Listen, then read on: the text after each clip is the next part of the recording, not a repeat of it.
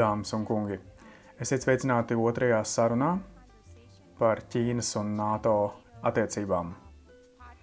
Podkāstā, ko organizē Latvijas ārpolitikas institūts Rīgas drošības fóruma ietveros. Un ar mums kopā ir uh, dr. Maikls Roberts Oslins, slavens autors, izcils pētnieks, Hoovera institūta ārpolitikas analītiķis mūsdienu Ķīnas jautājumos. Un ņemot vērā, ka jūs esat autors un ar to esat ļoti pazīstams, es gribētu sākt ar citātu no jūsu pēdējās grāmatas Āzijas jaunā ģeopolitika. Nodaļā par karus starp Ķīnu un Ameriku 2025. gadā jūs rakstāt – Vēl aizvien noris strīdi par to, kas ir bijis par iemeslu domstarpībām pirms vairāk nekā diviem desmitiem gadu, kad abas valstis izvairījās no visaptverošas kara darbības un pat iespējams kodolieroču uzbrukumiem. Taču skaidrs ir tas, ka šis karš ir sācies un kāda ir tā virzība. Rezultātā ir izveidojušies trīs varas bloki Austrumāzijā un augstais karš turpinās starp ASV un Ķīnu, un tas ir noteicis dienas kārtību ģeopolitikā Āzijas un Klusā okeāna reģionā 21. gadsimta vidū. To rakstījis ir nākotnes vēsturnieks. Mans jautājums jums ir, kāpēc šāds konflikts ir nenovēršams? Pirmkārt, gribu pateikt paldies par iespēju runāt ar jūsu auditoriju. Bet uh, atbildot uz šo jautājumu, ir jāpiemina uh, augstais karš, ir viens aspekts, un otrais ir bruņota sadursme. Jā, tas, par ko rakstu, ir bruņota sadursme. Tāda vēl nav notikusi. Bet tas periods, kurā mēs šobrīd atrodamies, tas būs tas, kas aizvedīs līdz šim konfliktam. Tas ir tāpat kā uh, Pirmā augstākā kara laikā ja mēs šo saucam par otro, ir tātad atšķirības sistēmās un politikā starp Padomju Savienību un ASV. Ir cilvēki, kuri negrib tādas analoģijas teikt, bet um, katrā ziņā, ja tas nav tas pats, kas Pirmā pasaules kara atkārtošanās, tad varbūt tas ir vienkārši jebkāds, bet augstais karš, kurā divas pasaules varas aizvien vairāk savā starpā ir uh, sāncensības uh, attiecībās. Un tas, protams, sākās jau uh, Obamas laikos, uh, Buša laikā bija Pekinas un Vašingtonas uh, uh, samiti strateģiskajā sadarbībā, bet tagad no tā mēs esam aizgājuši līdz strateģiskajai sacensībai. Un man ir jāsāk ar to, ka no 1979. gada sākās ASV un Ķīnas attiecību normalizācija. Tas bija Kārtera, prezidenta Kārtera administrācijas laikā. Un līdz 2017. gadam, kad pie varas nāca Trumps.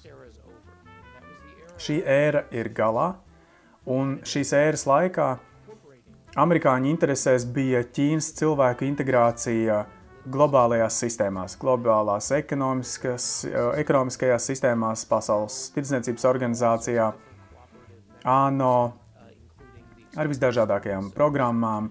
Piemēram, Ķīnas studenti ļoti daudz apmeklēja ASV. Tad notika šāda normalizācija un tika cerēts uz to, ka Ķīna nekļūs varbūt tik daudz ekonomiskais partneris, bet gan partneris, kas atbalstīs uh, liberālo uh, sistēmu, kāda ir izveidojusies pēc otrā pasaules kara. Otrakārt, mēs cerējām par to, ka pati Ķīna liberalizēsies ātri, lēni, vai tas vēl tikai perspektīvā, bet pieaugot uh, vidusšķirai, Ķīna integrēsies vairāk pasaulē un redzēs, nu mēs negaidījām, ka viņi kļūs par Ameriku, bet Mēs gribējām, lai viņi saprot, ka liberalizācija ir viņu pašu interesēs.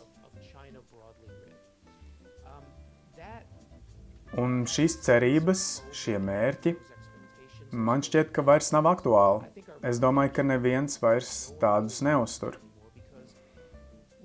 40 gadu laikā mēs redzējām, kā attīstās Ķīna, un ar ko tas beidzās, ir to, ka Ķīna pati sevi definē kā sāncens rietumiem. Un man ir prieks par to runāt, un tomēr, kur mēs atrodamies šodien, nu, ja tas nav augstais karš, tad tas arī, tad tas noteikti ir augstais miers.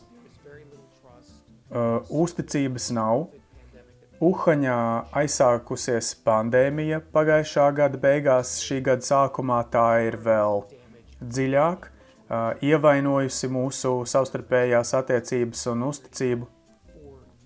Un lūk, manā nodaļā grāmatā, tur gan nav par covid, bet tur ir par šo attiecību bojāšanos. Ja, ja attiecības ir tik sliktas, ja nav uzticības, tad kā būtu, ja atkārtotos lietas – par kurām esam jau dzirdējuši virsrakstos, par kuģu bruņotām sadursmēm jūrā vai, vai par lidmašīnu saduršanos gaisā. Tas nav noticis starp Ķīnu un ASV, bet gan starp uh, citām valstīm, citiem konfliktiem. Nekas nav nenovēršams.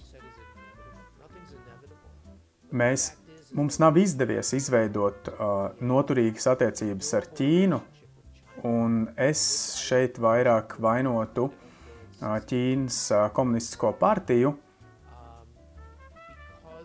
jo mūsu starpā bija nerealistiskas expectācijas par to, kādām šīm attiecībām būtu jābūt. Un tagad mums nav uzticēšanās, tagad mēs viens otru vainojam.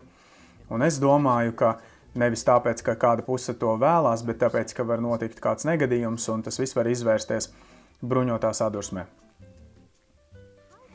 Paldies! Kāda ir NATO loma šajā scenārijā?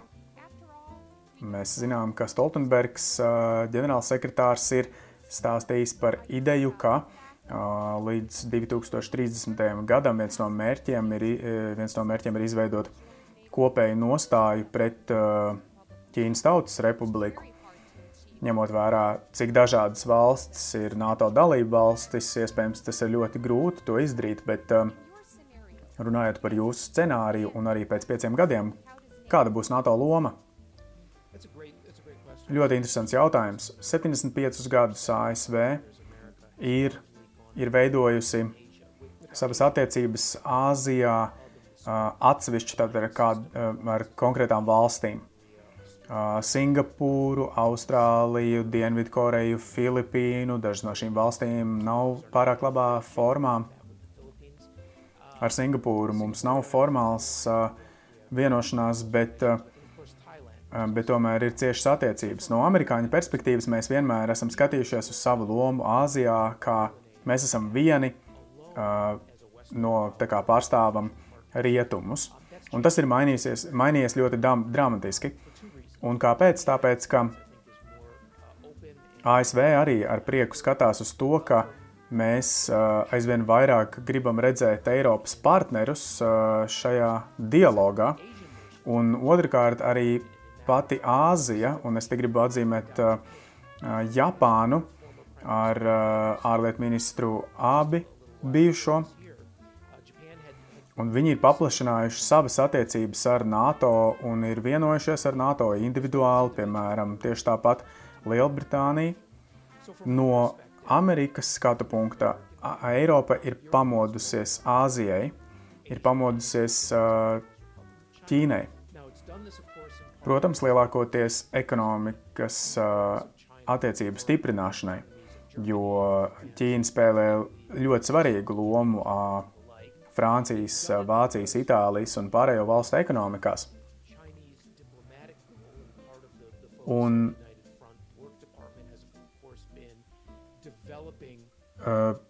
es būšu pavisam tieši, ka Ķīna savukārt ir izvērtusi propagandas kampaņas un ietekņu kampaņas Eiropā caur dažādām programmām, institūtu izstrādi, lai viņiem būtu lielāka ietekme Eiropā. Jūs esat redzējuši to ar palīdzību Grieķijai, piemēram, par pievienošanās programmām vai Čehijai. Un Tāpēc arī, piemēram, um, no vienas puses mēs varam teikt, ka Eiropa ir pamodusies Āzijai, ir pamodusies Ķīnai, un Ķīna tieši tāpat Eiropai. Savukārt no otras perspektīvas, konkrētas valstis Eiropā, es negribētu teikt, ka tās ir vadošās Eiropas valstis, bet nu, katrā ziņā lielākie mm, spēlētāji no Eiropas, es domāju, tie būtu apvienotā karaliste, Vācija, Francija. Arī viņi ir pauduši, ka viņu intereses ir Āzijā, tas būtu ar savām Indijas un Klusā okeāna reģiona stratēģijām par militāro uh, klātbūtni. Šī gada sākumā Vācija arī nāca klajā ar savu uh, Indijas Klusā okeāna stratēģiju ar tirdzniecības ceļiem, un arī apvienotā karaliste ir publicējusi uh, pārskatu, kas uh, runā par Indijas klusā okeāna stratēģiju. Un tas ir publicēts arī Policy Exchange, kas ir uh, vadošā domnīca par uh, apvienotās karalistes uh, stratēģiju Āzijā. Lielbritānija jau ir paziņojusi par saviem plāniem izvērst savu militāro klātbūtni un sadarbību ar Āzijas valstīm. Un partneri attiecību nodibināšanu par to ir paziņojusi arī Francija. Individuāli un arī kolektīvi kā NATO, Eiropas nācijas saprot, ka viņiem ir aizvien pieauguša loma reģionā. Pirms dažām nedēļām Jens Stoltenbergs arī paziņoja, ka Ķīnas vērtības neatbilst NATO vērtībām. Tās ir liberālisma, iekļaušanas, civilotiesību, minoritāšu tiesību uh, vērtības. Un viņš to pateica, un tādējādi pasakot, ka NATO kļūs uh, politiski iesaistītāka tajā, kāda ir starptautiskā sabiedrība un kādai tai jābūt. Un tas mani nepārsteidz, ka NATO domā par to, kā rīkoties kolektīvāk globālajā, uz, uz globālās skatuves. Bet noslēgšu ar Baidena administrācijas plāniem par to, ka Baidena administrācija centīsies ar starptautiskajām institūcijām un arī divpusēji Uh, vienoties un izstrādāt savu nostāju Indijas un Klusā okeāna reģionā. Patiesi, jūsu grāmatā jūs rakstāt, ka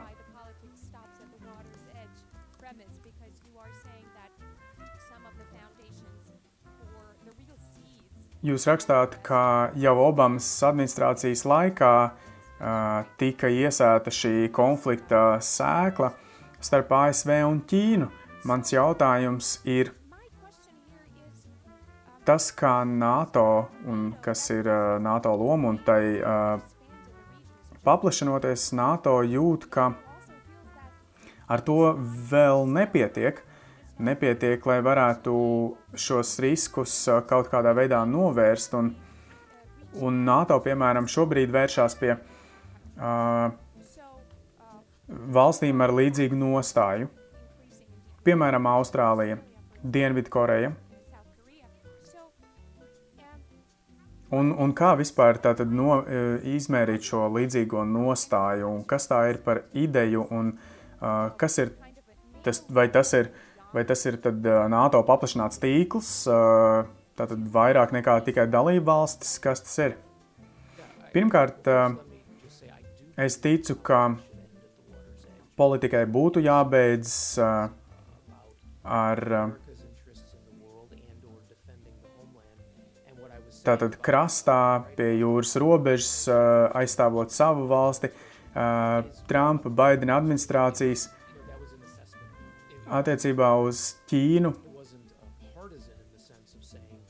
Viņi zināja, ko viņi darīja, bet šis novērtējums ir vairāk tā kā analītika par to, kad kā attiecības Obamas administrācijas laikā ar Ķīnu kļuva sliktākas.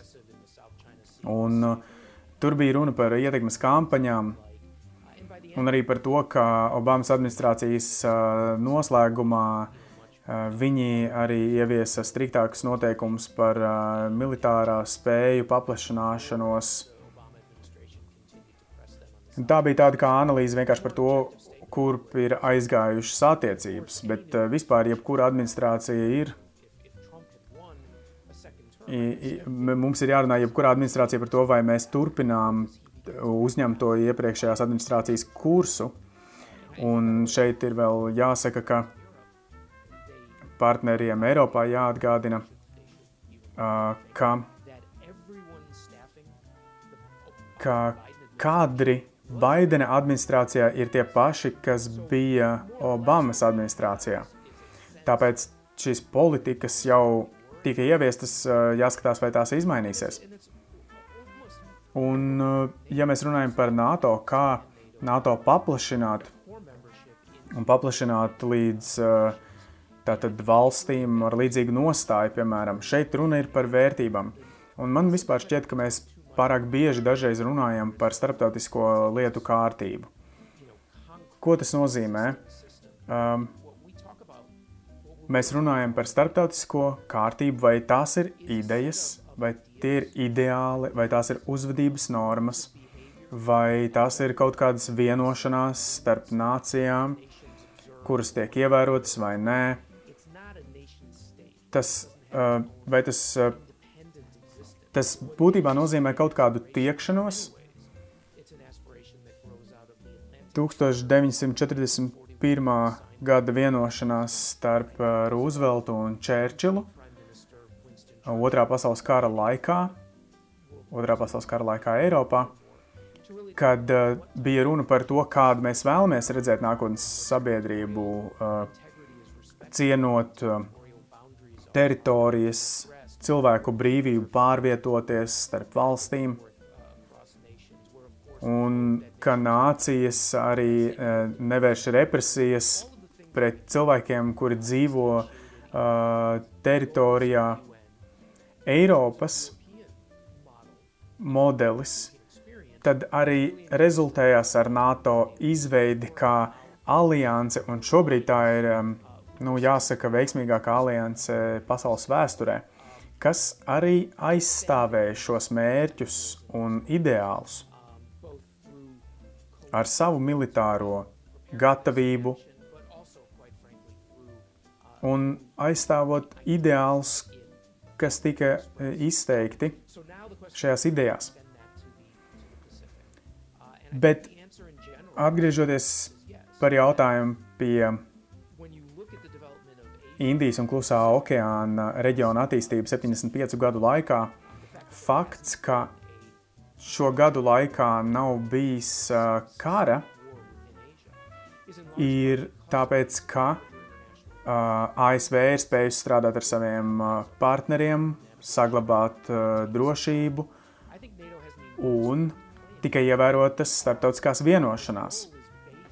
Un NATO loma šeit ir ļoti augsta sadarbībā ar dažādām valstīm, uzturot liberālās vērtības, neprivileģējot vienu grupu pār kādu citu, balstoties uz uh, dzimumu, uz reliģiju, uz kādu citu faktoru, ļaujot cilvēkiem sazināties starp robežām, brīvi pārvietoties visas šīs lietas kopā, kas, protams, tā nav tikai Āzijas cilvēku privilēģija vai Eiropā, es, mēs runājam par visu Eirāziju, un Un tāpēc mēs vēršamies pie Dienvidkorejas, Austrālijas, Indijas, kuras arī vēlās šādas, šādu sabiedrību un sadarbību,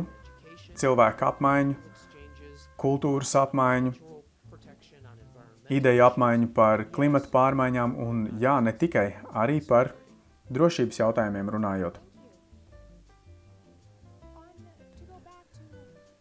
Atgriežoties pie Indijas klusā okeāna reģiona un ekonomiskajiem ieguvumiem, es gribētu vairāk parunāt par to, ka uh, mēs tātad izveidojām šo stratēģisko trīsstūri ASV, Ķīna un Eiropas Savienība. Un ekonomiskais arguments bija tāds, nu, neatsviešināties no Ķīnas, bet jūsu grāmatā, kad jūs, kur jūs rakstāt, jūs vēstāt par riskiem, ka dažkārt mēs skatāmies uz šo reģionu nu, pārāk rožaini ar caur rozā lēcām. vai šis ieguvums, tad, no eko, nu, ekonomiskais ieguvums, tad ir vienīgais, kāpēc tas mums tā ļauj skatīties uz Ķīnu. Ekonomiskās problēmas aptver ne tikai Ķīnu, Azijā un mūsu attiecības ar šīm nācijām sākas, nu, tā sākas lielākoties ar ekonomiku, ar tirdzniecību. Jā, ir tīpaši ASV imigrantu nāciju Mums tās attiecības aptver arī šo jomu, bet kopumā jebkuras attiecības sākas ar tirdzniecību, tīpaši mums un Eiropai ar Āziju tieši tāpat.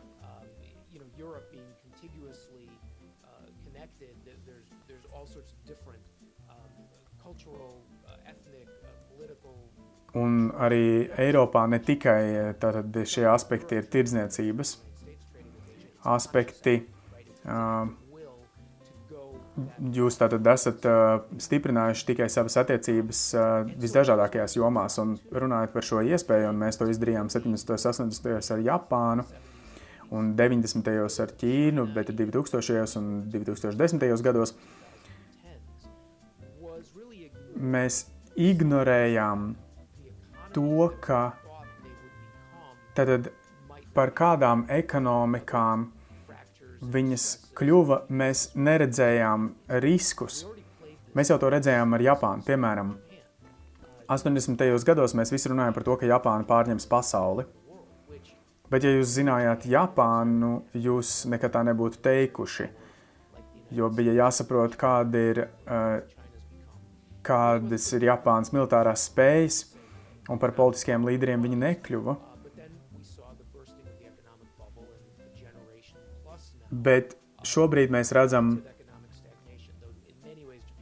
mēs redzam, piemēram, ekonomikas stagnāciju, kaut arī Japāna ir ļoti veiksmīga relatīvi, bet tas nav tas pats, kas 70. un 80. gados. Uh, makroekonomiskā Ķīnas izaugsmes uh, vairāk, par vairāk nekā 10% gadā, tās dienas ir beigušās. Un mēs redzēsim, kas notiks arī tālāk. Un tas, kā mēs novērtējām Ķīnu pirms tam, un Ķīnas ekonomikai kļūstot pieaugušākai, viņa kļuva uh, arī mazāk konkurētspējīga, jo izmaksas aizvien pieauga, un uh, no Ķīnas jau nebija iespējams arī tik viegli pārslēgties uz kādu citu valsti. Un tomēr daudzas valsts pārskatīja savas attiecības ar Ķīnu. Un it īpaši tagad, koronavīrusa apstākļos, kad runa ir par piegādes ķēžu drošību, viņi, tas ir tikai pātrināts. Un daudzas valstis, piemēram, Dienvidu-Austrumāzijā, pārvieto savu ražošanu atpakaļ uz savām valstīm. ASV tieši tāpat personiskie aizsardzības līdzekļi un citas nozares pārvieto ražieš, ražošanu citur. Taivāna runā par Foxconn, par pārvietošanu atpakaļ, tātad Foxconn pārvietošanu atpakaļ Taivānā. Cilvēki saprata, kā ar Ķīnu strādāt. Protams, tur ir bijušas problēmas, likumos un citādi, bet kopumā lielākoties tās bija makroekonomiskās problēmas. Protams, ka mūsu dzīves laikā Ķīnas ekonomiskais spēks būs ievērojams vienmēr, bet mēs runājam par ekonomisko diversifikāciju. Mēs runājam par portfeļa uh, diversifikāciju, un kopš 80. gadiem metaforiski un arī uh, reāli mēs pārāk daudz investējām Ķīnā. Vietnama, Malaizija, uh, citas valstis, Bangladeša, Indija. Viņi ļoti paļāvās uz Ķīnas savukārt investīcijām. Un es jau, protams, neteikšu, ka mēs tagad uh, aiziesim no Ķīnas pilnībā, jo tas nav realistiski, bet runājot par konkrētiem sektoriem un jomām, uz kuriem attiecas mūsu bažas par piegāžu ķēžu drošību, uh, tas jau piešķir um, tātad, visam reģionam citādākas krāsas un to, kā mēs uz to skatāmies. Tāpēc Eiropas nācijām, NATO arī ir jāskatās uz šo reģionu un uz to, kā palīdzēt attīstīties uh, konkrētai valstī. Lai šīs valstis ne, neturpinātu būt par vienkārši izēju materiālu piegādātāju Ķīnai. Un man šķiet, ka šobrīd tā ir arī iespēja Eiropas nācijām atrast sadarbības partnerus Āzijā vairāk nekā tikai Ķīnu. Un šobrīd man par to patīk domāt, ka Eiropā ar viņas spējām, ar tās spējām un sadarbību Āzijā, kā to var vēl plašāk izvērst. Mans pēdējais jautājums, un ar to es gribētu tātad runāt par pārāk lielu paļaušanos, un te es gribētu runāt par Baltijas valstīm.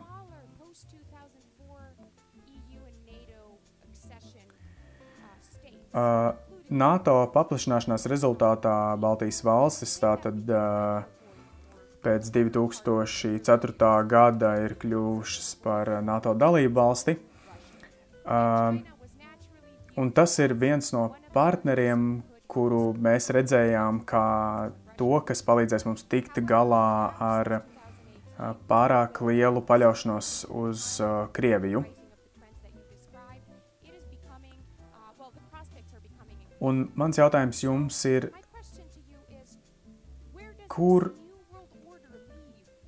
kādu vietu pasaulē tas uh, piešķir tādām valstīm kā Latvijai, Lietuvai un Igaunijai, kuras vēlas diversificēties, bet tāpat laikā tās ir tik ļoti pro-eiroatlantiskas.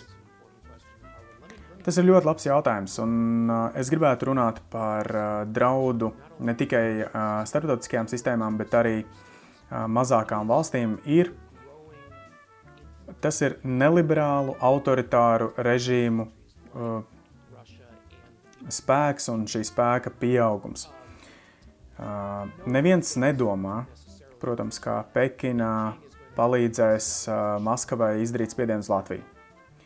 Un tomēr gan Krievija, gan Pekina, gan ar Ziemeļkorejas, Venecuēlas, Irānas palīdzību, viņi vēlas apstrīdēt starptautiskās sadarbības un tiesības. Un viņas ir bijušas šie agresīvie oportunisti, izmantojuši iespēju, izmantojuši citu cilvēku vāji, eh, citu valstu vājības. Un visvairāk tas ir tieši bijis attiecināms uz mazākām valstīm, un tas ir pat tām, eh, tas ir arī bijis tām vissliktāk. Višagradas valstis, Baltijas valstis un citas vietas pasaulē, kas ir mūsu draugi, pieļaujot starptautisko sistēmu vājināšanos. Un mēs redzam, Irāna, Ķīna, Krievija, šīs valstis izmanto iespēju un normalizē uh, sacensību starp lielām varām un lielām spēcīgām agresīvām varām. Un tā ir problēma, ar kuru sastopas Baltijas valstīm. Valstis, protams, ka Un mēs ļoti labi saprotam, mēs ASV saprotam, ka pirmās cietīs šīs mazākās valsts un mūsu partneri. Un tas ir jāatcerās, jāatcerās ka mēs ASV un mūsu apņemšanās pastāvēt par Baltijas reģionu drošību, piemēram, ir kritiski svarīgas. Tāpēc ir svarīgi veidot jaunas partnerības, jaunas attiecības. Piemēram, ar citām Āzijas valstīm - ekonomiskās, politiskās, kultūrālās attiecības, un it īpaši Baltijas valstu kontekstā, kas vēlas tātad nepaļauties tik daudz uz Krieviju, bet pievērsās Ķīnai. Tam visam ir kaut kāda cena. Jautājums ir, vai jūs esat gatavi veidot attiecības ar Indiju, Japānu, ar citām vadošajām ekonomiski valstīm,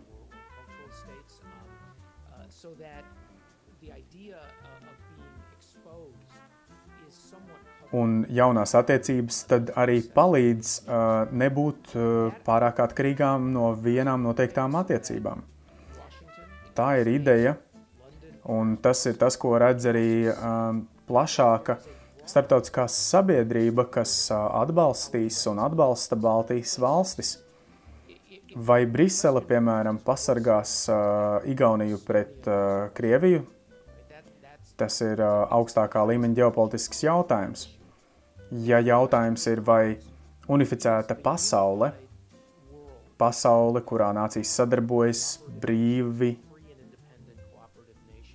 tad sadarbība politiski, ekonomiski, arī drošības jomā, ne tikai NATO ietvaros.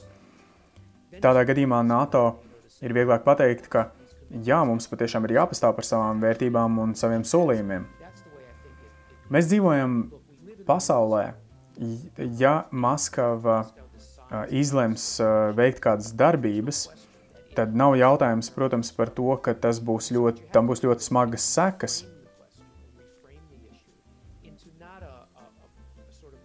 Bet šeit jau nav runa par NATO, Krieviju vai uh, Lietuvu, Latviju, uh, Krieviju, bet globālā sabiedrība Krievija un globālā sabiedrība Ķīna – attiecību ietvers.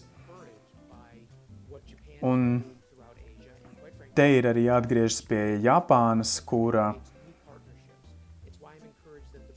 ka tieši tas, kā viņi veido sadarbību, kā Briti veido sadarbību, ka viņi grib atvērt atpakaļ bāzes un viņi grib tuvināties ar Austrāliju, ar Japānu, ar ASV un kopīgi paplašināt militāro uh, klātbūtni Āzijā. Mums ir jāskatās reāli. Vispār Maskavas aprēķinu vai viņa darbības tas tik ātri nemainīs, vai arī vai kaut kādas Ķīnas darbības atbilstoši tieši militarizēšanās centieniem. Tas jau neapstāsies tāpēc, ka tas, ko mē, dēļ tā, ko mēs darīsim, vai tas, ko mēs, dēļ tā, ko mēs teiksim. Bet globālajai sistēmai ir, ir ietekme un jāizmaina savas. Ir jāizmaina Krievijas, Ķīnas, Irānas uh, stratēģiju, un viņiem ir jāsaprot, ka globālā sabiedrība vērsīsies pret uh, dažādām, uh, noteik pret noteiktu rīcību, un ASV aizvien pasaulē paliek visusticamākais militārais sabiedrotais, kas uh, necietīs, uh, piemēram, teritoriālas nepamatotas pretenzijas. Ķīnai ir Taivāna, piemēram, Krievijai ir Baltijas valstīm. Bet, protams, tas viss ir atkarīgs arī no jūsu pašu signāliem diplomātiski. Uh, Un, un, un te ir jāskatās, ka, ko darīs Baidena administrācija. Baidena administrācija vēl vairāk uh, uzturēs attiecības un artikulēs tās ar saviem partneriem, ar saviem sabiedrotajiem, uh, atmetot ideju par to, ka Amerika pāri visam un pirmajā vietā. ja mēs paskatāmies uz Obamas administrācijas stratēģiju Āzijā, man šķiet, ka tā bija lieliska. Tātad nomainot šo fo fokusa punktu Āzijā, manuprāt, tas bija labi, bet šie panākumi, jeb rezultāti, runājot arī ar Āzijas draugiem, viņi, viņi gan savukārt uzskata, ka tas bija daudz vārdu un mazāk darbību, jo tieši tajā laikā Dienvidķīnas jūru sāka militarizēt Ķīna un, un bija pilnīgi skaidrs, ka Ķīna turpinās izdarīt spiedienu uz Taivānu. Vārdi un nodomi ir ļoti labi, bet ir svarīgi tas, ko mēs katrs darām. Lai mūsu vārdiem būtu kāds svars, vai, būtu, vai tās būtu tātad militāri rotācijas NATO ietvaros ar Baltijas sadarbībām, Balkānu valsts sadarbībām. Šīs visas lietas visbeidzot ir tās, kuras ietekmē Maskavas Pekinas, Teherānas, Pjonģēņas uh, stratēģiju un viņu aprēķinus. Un NATO un ASV arī tāpēc jāparāda, ka viņi pasargās savus sabiedrotos. Mēs nemainīsim savas, savu nodomu, bet mēs uh, Mēs nemainīsim savus nodomus pret tiem, kas vērsīsies pret šādu kārtību, bet mums ir jāparāda pavisam noteikti, ka tam būs sekas. Paldies uh, par ļoti satrīgo sarunu. Šo divu sarunu laikā ar doktori Lungjingu no Šanhajas ārpolitikas institūta un doktoru Maiklu Robertu Oslendu no Hoovera institūta Mēs dzirdējām līdzīgus atslēgvārdus, bet arī uzklausījām dažādus pasaules redzējumus. Tas liek uzdot jautājumu, kas ir šī līdzīgā nostāja, kur ir kopīgi dažādām valstīm, vai šo valstu sabiedrībās ir līdzīgas vērtības, vai tās ir sabiedrības ar kopīgām interesēm. Kāda ir nozīme retorikai, ja tam nesekot darbības? Tas ir vēl viens jautājums, uz kuru mēģināja atbildēt runātāji un ar šo problēmu saskarsies mūsu pasaule nākamajās desmitgadēs. Ir skaidrs, ka starptautiskie noteikumi, uz kuriem balstās mūsu sistēma, kuri garantē stabilitāti, mainās. Vai tas būs augstais miers vai karš ar bruņotām sadursmēm starp ASV un Ķīnas Tautas Republiku, mēs nezinām. Mēs redzam, ka mazām valstīm kā Baltijas valstīm svarīgākās ir kopienas.